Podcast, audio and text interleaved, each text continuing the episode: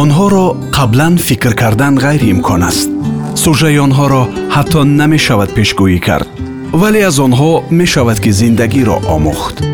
Мо ҳар кадом беихтиёр он ҷо нақши асосиро мебозем қиссаҳои шумо. Дар пешниҳоди сафаргул олимӣ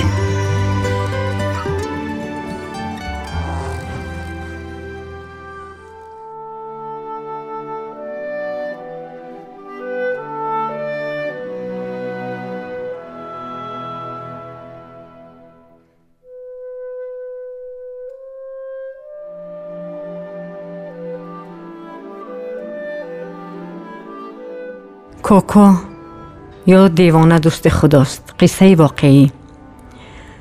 او را قریب هر روز در کوچه می دیدم که مرا جانب کارگاه می برد جوان قوی پیکر و خوش صورت است. چشمان کلان کلان و سیاه آهو مانند ابروان سیاه پیوسته بینی بلند دارد. چهرهش مانند تاجیکان اصیل و قدیمی است. همیشه می خندد به زن و مرد کودک فرقی ندارد برایش.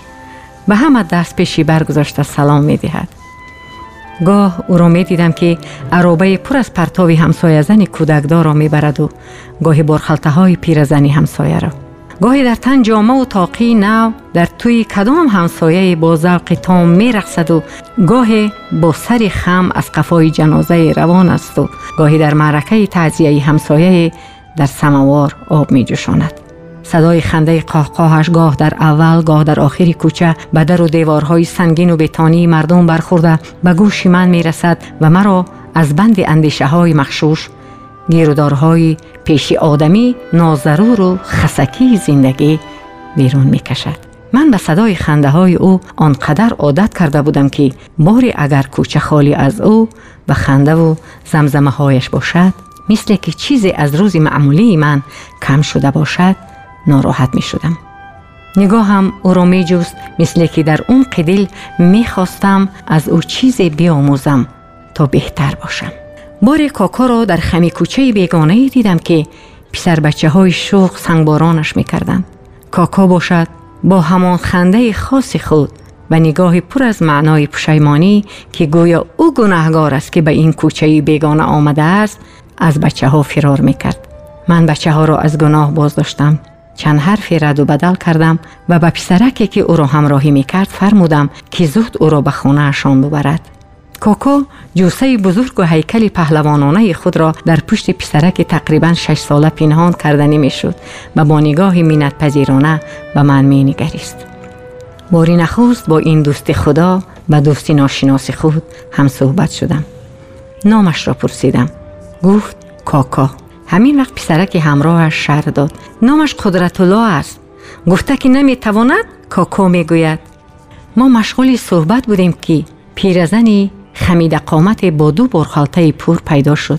کاکا مثل که صحبت با من را کاری بهوده می‌دانسته باشد دست افشاند و دوان به نزد پیرزن رفت و با ایما و اشاره برخالته های پیرزن را از دستش گرفت و پیش پیش او راهی شد. من و پسرک همراه او تنها ماندیم مثل که پسرک حیرانی مرا پی برده باشد گفت او به همه یاردم می‌کند.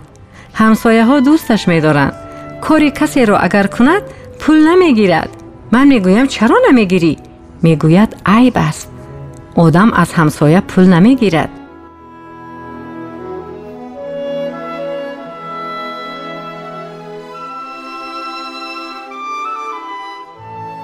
حس کنجکاوی مرا باری به خانه آنها برد. مرا مادر کاکا پیشواز گرفت. مادر که در غم فرزند بیمارش جگر خون بود اشک از دیده ها جاری نمود و گفت خدا پسرک مرا همین طور کرده است. از عقل بیگانه است و از زبان گویا محروم. من سه پسری دیگر دارم ولی از همه بچه خوب و مهربانم همین است. اگر یگان چیزی با مزه یا بد خودش نمی‌خورد و آورده به دهان من می‌گذارد. اگر بیند که گریه دارم چشمانم را تازه می کند و شوخی و بازی ها می کند تا مرا خنداند. اگر برفی بسیار ببارد کرچک را گرفته سحری بر وقت برآمده بامی خودمون و بامی همه همسایه ها را می روبد تا نچکند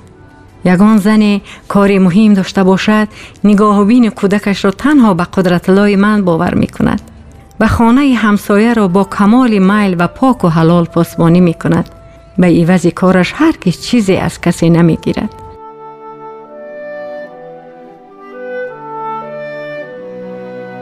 این حالنامه معمولی دیوانگان است که شاید هر کدامی ما انسانهای به اصطلاح سالم عقل با آن تا اندازه شناس باشیم ولی سؤالی که در ذهن ها می چرخد این است که آیا در دور و زمان ما می شود یک انسانی سالم عقل را پیدا کرد که به مزد و معاش به غرازانه و به مینت کاری را برای دیگران انجام دهد چی؟ مشکل است به این سال پاسخ دادن؟ بله برای بنده نیست چنین است می کنم دیوانگی تا بر سرم غوغا شود شاید از بحر تماشا آن پری پیدا شود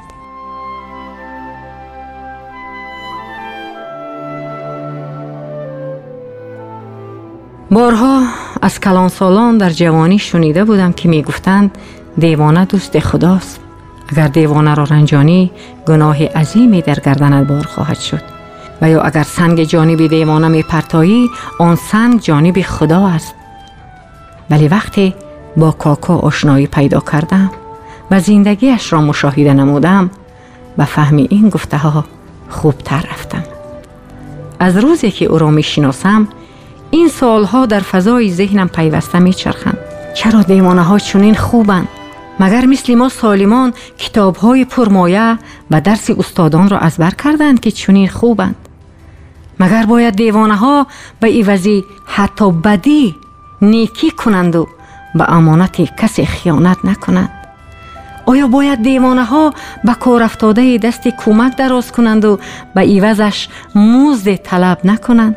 اگر چنین است پس جای ما انسانهای سالم عقل کجاست در روی این زمین مقدس؟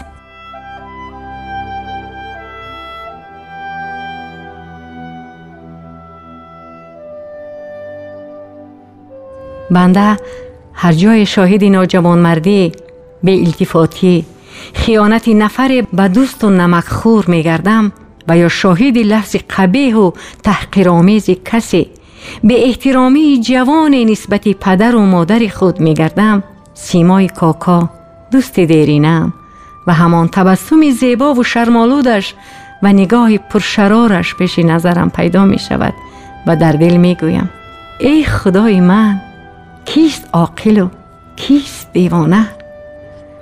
ز عالم هر کی را دیدم غمی دارد دلا دیوانه شو دیوانگی هم عالمی دارد.